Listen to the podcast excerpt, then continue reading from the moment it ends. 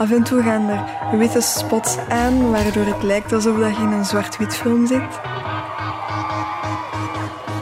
Ik sta op de dansvloer helemaal van voor. Ik zie de DJ's. Ik zie mijn vrienden links en rechts van mij dansen met hun ogen toe en hun handen in de lucht en ik doe hetzelfde. Ik voel euforie, ik voel de muziek, ik voel de liefde van de mensen rondom mij en ik voel heel veel liefde voor hen. Ik dans, ik dans, ik dans, ik dans. Ik dans met mijn hand over mijn beker. Ik voel mij niet op mijn gemak. Ik ben iedereen de hele tijd aan het screenen. Wie er voor mij en achter mij staat. Wat voel ik nog? Ik heb het gevoel dat ik mezelf aan het inhouden ben in wie ik ben.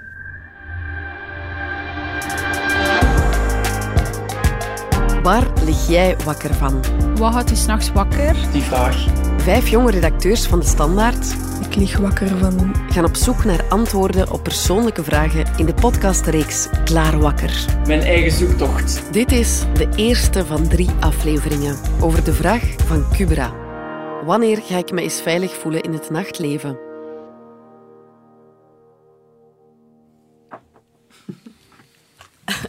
Zit iedereen comfortabel? Waarom lachen jullie? Het is wel een mega serieus onderwerp. Dat is omdat iedereen zenuwachtig is. Nee, dat is, dat is echt chill. Beseft jij dat jij een podcast host bent? ja.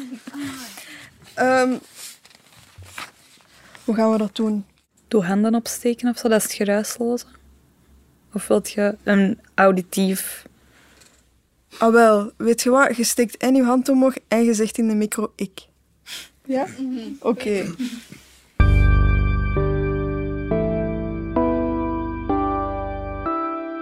In het uitgaansleven heb ik me wel al eens onveilig gevoeld. Ik. Ik. Ik. Ja, ik. En ik ook. Ik ben Cupra, 24 en binnenlandredacteur bij De Standaard. Begrijp me niet verkeerd. Ik ga super graag uit. Maar het ding is, als ik uitga, voel ik me mega onveilig.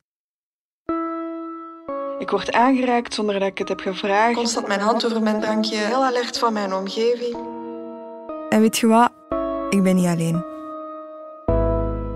Ik voel mij super onveilig, helemaal niet op mijn gemak. Ik word er langs alle kanten aangeraakt. Je bent in de sfeer, het is donker, je weet het niet. Ofwel kijken ze heel vies naar mij, ofwel in een sens van nou dance for me monkey. Al dat, ik ben dat beu. Kotsbeu. Hoezo de ervaring die mijn vader hier meemaakt als jonge puber in Brussel, maak ik vandaag nog steeds mee. Maar hoe kut is dat? Want is het niet juist een van de leukste dingen om samen met je vrienden een avond zorgeloos te feesten?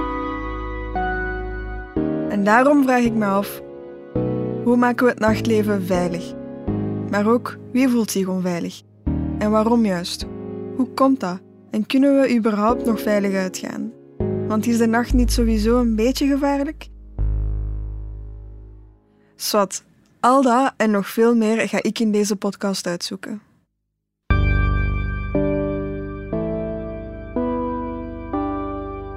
Maar ik begin Ella. bij de mensen waar ik graag mee uitga. Maar ik voel dat we Kevin gaan lachen. Mijn vrienden, Safe spaces. Waarom heb ik zo'n speciaal microfoon? die je net al even hoorde. En die, zoals je kan horen, zenuwachtig zijn om in een podcaststudio te komen babbelen. Ik heb die zeteltjes hier gestolen in het kantoor waar dat de CEO zat. What? Ik gaf ze de stelling. In het uitgaansleven heb ik me wel al eens onveilig gevoeld. En dit was de respons.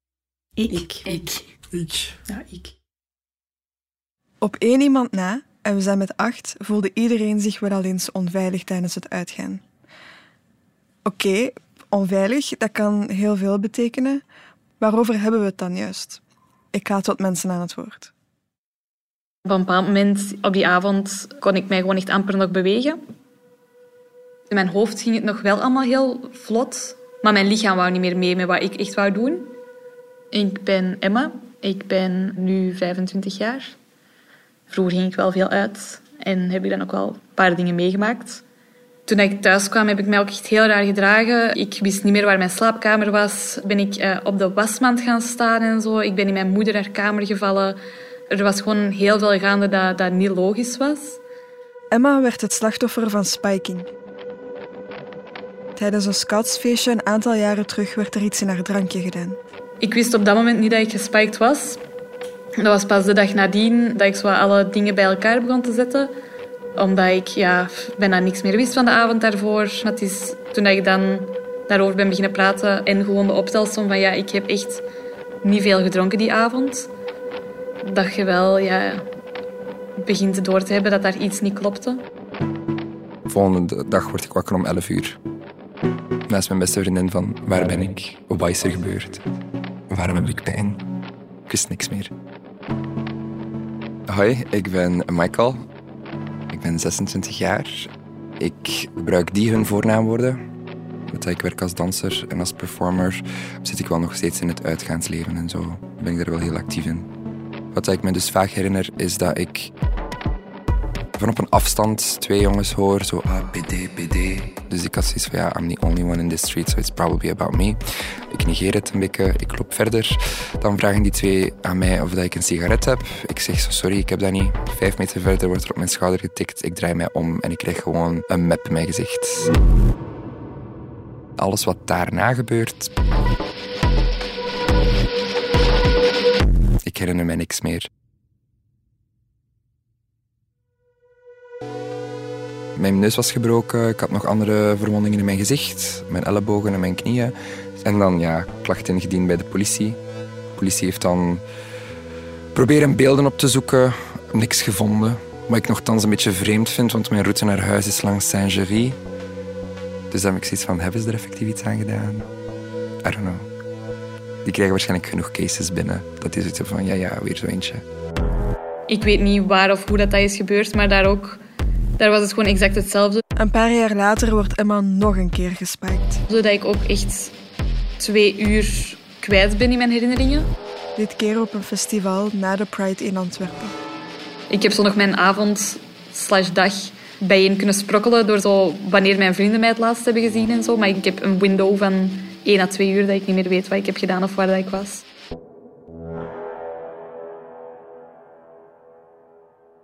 Voelt jij je veilig als je uitgaat? Het is grappig, want ik zei net bijvoorbeeld tegen mijn vriendje van ja, ik ga nu een interview afleggen. Maar ik heb eigenlijk niet zo'n erge verhalen. Dit is Fien. Ik ken haar van het uitgaan. Voor ik haar verder laat praten, even dit. De verhalen en getuigenissen die naar boven kwamen bij het maken van deze podcast waren er in verschillende gradaties. Emma die gespijkt wordt en Michael die in elkaar werd geslagen, dat is vrij fucked up. Er zijn heel duidelijk grenzen overschreden. Maar dan waren er verhalen, en dat was eigenlijk het overgrote deel van de verhalen, die je een paar jaar geleden waarschijnlijk niet eens had durven aanhalen. Of waar je misschien niet eens aan dacht om ze aan te halen, want we zijn ze gewoon. It's part of it. En dat is ook hoe Fien aan ons interview begon. Ik heb eigenlijk niet zo'n erge verhalen, alleen maar dat ik al ben aangeraakt of zo dat. Maar eigenlijk is dat ook al erg. Dat ik zo dat alles vanzelfsprekend begin te nemen. Te ongewenst aangeraakt worden als je uitgaat, dan neemt je er gewoon bij en denkt je van, dat is eigenlijk niet zo erg. Nee, ja. Op sommige momenten staat je op de dansvloer en dan voelt je zo'n hand en dan denk je, ah, vervelend zo. Dit weekend zat ik bijvoorbeeld buiten even alleen dat je meteen wordt aangesproken door heel veel mannen. Of ook als je dan zegt van ja, laat mij maar rust. Dat die dan zeggen van oh, waarom doe je zo? Bedoel toch niks zegt. Maar als meisje alleen in die situatie is het gewoon echt niet fijn. Je voelt je een beetje geïntimideerd, denk ik, op dat moment. Zo'n verhalen? Een shitload zou ik daarvan kunnen laten horen. Maar ik beperk mij tot een aantal. Was toen 16, 17 jaar of zo. En dan waren een, een oude, allee, oude man. Ja, toen was dat in mijn ogen een oude man. Die was in zijn eind 30 of zo. En die wou met mij dansen en ik wou dat niet. En dan heeft hij mij een klopje in mijn gezicht gegeven omdat ik niet wou dansen. Ik sta dan te dansen en achter mij, gewoon aan, tegen de muur, staat er eigenlijk gewoon een hele rij van mannen te kijken naar de dansvloer. En echt met ogen van, ah, we hebben onze prooien hier. Ik mij super onveilig, helemaal niet op mijn gemak. Ik word er langs alle kanten aangeraakt. Dus dan ben ik, heb ik aan mijn vriendin gezegd, jij gaat mij nu beginnen zoenen of ik raak niet van hem af. Ik heb dat gegarandeerd in Antwerpen, in Ampère. Dat is best wel een grote club. Dat is misschien 30% vrouwen, 70% mannen. Dat is echt opvallend.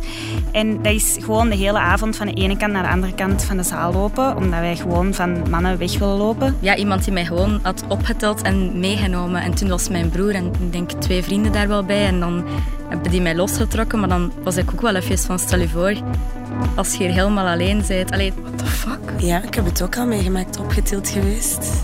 Wat lief. Ja, op Couleur Café. Maar what the Ik was aan het dansen en hup, ik lag over iemand zijn schouder. Ik dacht, ja, dat is niet wat ik heb gebracht. En uiteindelijk heeft hij mij neergezet, maar ja, hij heeft mij wel aangeraakt op plekken dat ik niet wou. En dan, ja. fuck?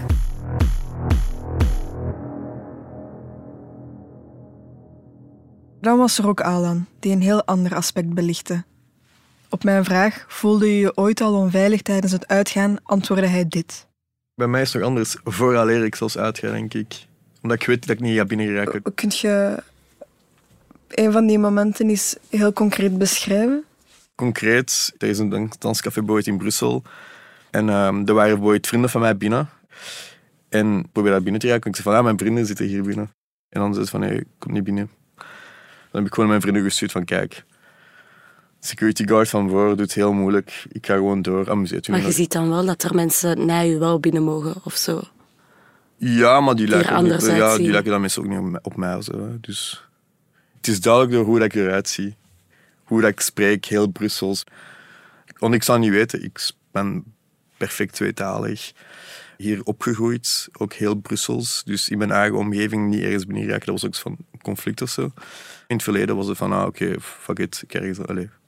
Het is zo'n reality of zo, dat happens. En, maar nu dat ik zo meer ouder word en zo meer dingen besef of zo, dat ik denk van, nee, ik wil dat niet nog eens meemaken. Dat is zo een beetje een trauma of zo. Dat ik denk van, nee, dus ik ga gewoon niet uit of niet naar die plek of... Voilà. Eh, ik heet Basma, ik ben 22 jaar oud. En ik... Oké, misschien moet ik ook een paar verhaaltjes delen. Ja, ja, doe. Dat was zo juist na corona dat je terug een beetje kon uitgaan. Ik was met Ruban in ehm, Café Centraal in Brussel. En toen was ik aan het dansen en er moest een man passeren om naar het toilet te gaan en die pakt mij vast aan mijn borsten en die passeert. Dus ik heb dan gewacht tot die kerel terugkwam van het toilet en ik heb die gewoon keihard tegen de muur geduwd. En die is dan gevallen op de grond. En dan zei hij, ah, sorry, sorry, dat was niet de bedoeling. En dan denk ik, fucking hell, je wist fucking goed wat dat je hebt gedaan. Want anders zou je geen sorry zeggen. Dus dat is één. En zo kan ik echt nog even doorgaan.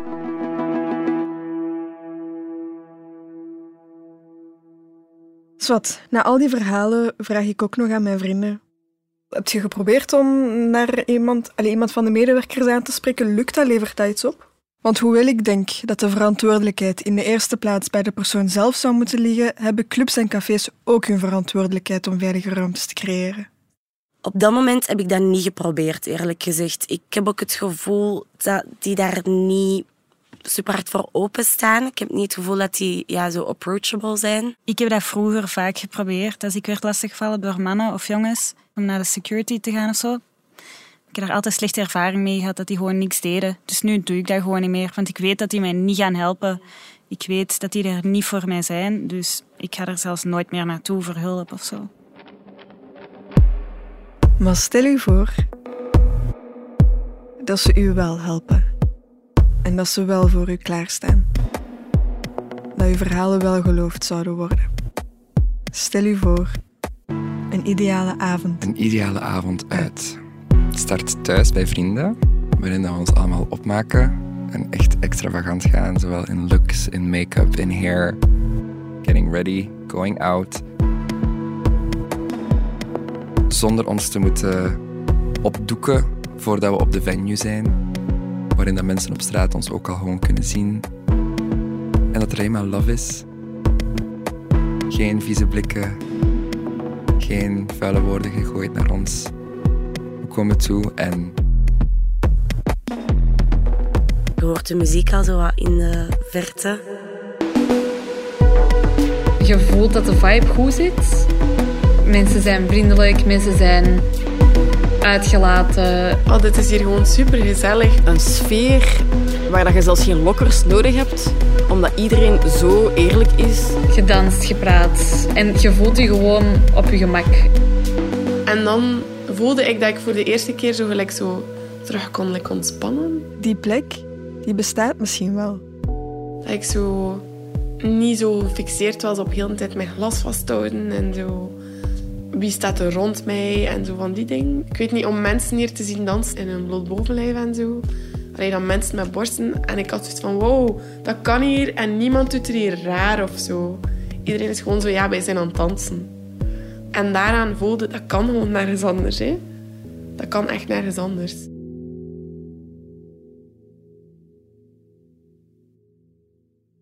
Mijn ouders willen binnenkort ook een hond, dus ik moet er ook een beetje aan wennen. Maar waar dat wel kan, is hier. Het is heel op haarzelf. Dus ze gaan misschien een keer komen ruiken, maar ze gaan je waarschijnlijk gewoon de rust laten eigenlijk. Oké, we zijn in Blond. Dat is een café in Gent. En ik heb er afgesproken met Eva. Dankjewel. Zij is de mede-uitbaatster van het café en het baasje van de hond waar ik nog even aan moet wennen.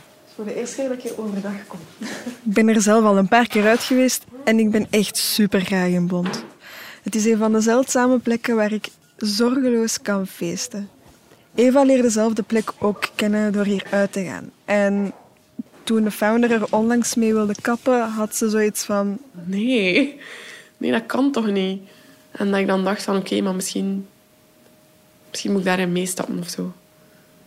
Zodat dat kan blijven bestaan. Maar Blond is niet zomaar een café. Blond is een safer space. Nu, wat is dat precies? Puur op zicht is Blond gewoon een gezellig cafeetje, maar ook... Een soort mogelijkheid of zo. Om de dingen anders te doen. En om eigenlijk een plaats te creëren waar dat de regels anders zijn. Dat het niet is van je moet normatief in een kadertje passen om hier te kunnen zijn. Maar eerder omgekeerd. Het is oké als je niet normatief bent. Heel concreet? Mensen die queer zijn, mensen die trans zijn, mensen van kleur. Maar ook voor dikke mensen, voor mensen met een beperking. Maar eigenlijk is iedereen welkom. Ja, ook niet altijd. Op sommige avonden worden cismannen geweerd. Waarom dat ze dat doen, daar komen we later op terug. Wat ik zo fijn vind aan Blond... Ik kan in mijn eentje vooraan dansen en ik weet... Ik ben oké. En mijn vrienden, die wat verder staan te babbelen, die zijn dat ook. Ik ben niet bezig met mijn hand op mijn drankje. En wanneer ik het warm heb, doe ik gewoon mijn t-shirt uit zonder te denken... Am I asking for something? Maar hoe doet je dat, zo'n plek creëren? Blond pakt het ongeveer zo aan. Als je binnenkomt, staat er meestal iemand aan de deur die u vraagt... Naar wat ben je op zoek? Of weet je in welke bar je bent terechtgekomen? En om eigenlijk ook te vragen van die mensen hun te gedragen. En om respect te hebben voor de mensen die binnen zijn. En dan kunnen zij zelf kiezen of dat ze hier willen zijn of niet. Want er zijn ook veel mensen die op zoek zijn naar een pintje of zo. En dan kun je ze ook gewoon doorverwijzen naar een vlasmarkt of zo. En mocht er toch iets gebeuren, dan kan je een melding doen bij een van de medewerkers. En dan gaat het ongeveer zo. Eerst het in veiligheid stellen van de persoon die dat heeft meegemaakt. Zorgen dat die persoon die iets heeft gedaan aan de kant wordt genomen, erop gewezen wordt van wat hij heeft gedaan is niet oké. Maar soms zijn er ook gewoon excuses nodig of zo. Soms is er een gesprek nodig, moet er geluisterd worden naar, zijn hij eigenlijk wel bewust van wat hij gedaan hebt. Maar als er iemand, een, iemand aanrandt of zo, dan is dat iets heel anders. Dan moet er wel hulp ingeschakeld worden. Dan moet de politie wel weten van... ehm, er is hier iemand die een aanranding of een verkrachting of dergelijke heeft gepleegd. Ja, dat is een moeilijke afweging natuurlijk, om altijd op zoek te gaan naar wat, is hier het meest productieve. Misschien luister je naar deze podcast en denk je: is dat allemaal wel nodig? Is dat er niet wat over? Maar natuurlijk kwamen plekken als Blond er niet zomaar. Ze werden opgericht om te vermijden dat er nog meer mensen het slachtoffer zouden worden van alle verhalen die je net al in deze podcast hebt gehoord. Ik vraag Eva wat ze ervan vindt dat we hier nu allemaal meer over praten.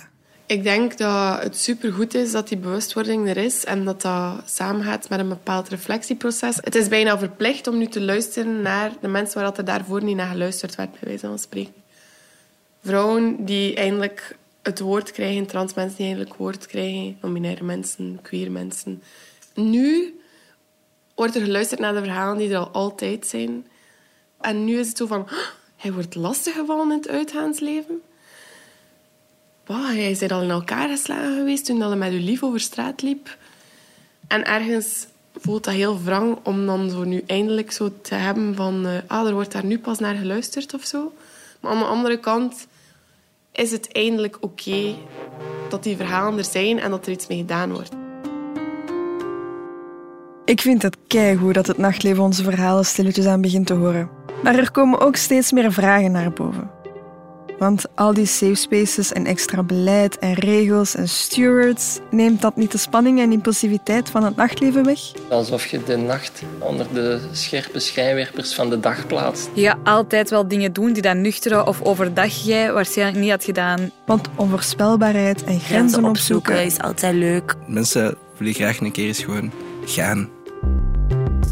Hoort dat niet gewoon bij het nachtleven? Ja, uitlaat voor gevorderden. Daarover hebben we het in de volgende aflevering. Maar ook over dit. Vorige week was er heel wat ophef over Café Blond in Gent, dat op één bepaalde avond alle cis-mannen heeft weggestuurd nadat sommigen onder hen grensoverschrijdend gedrag hadden vertoond.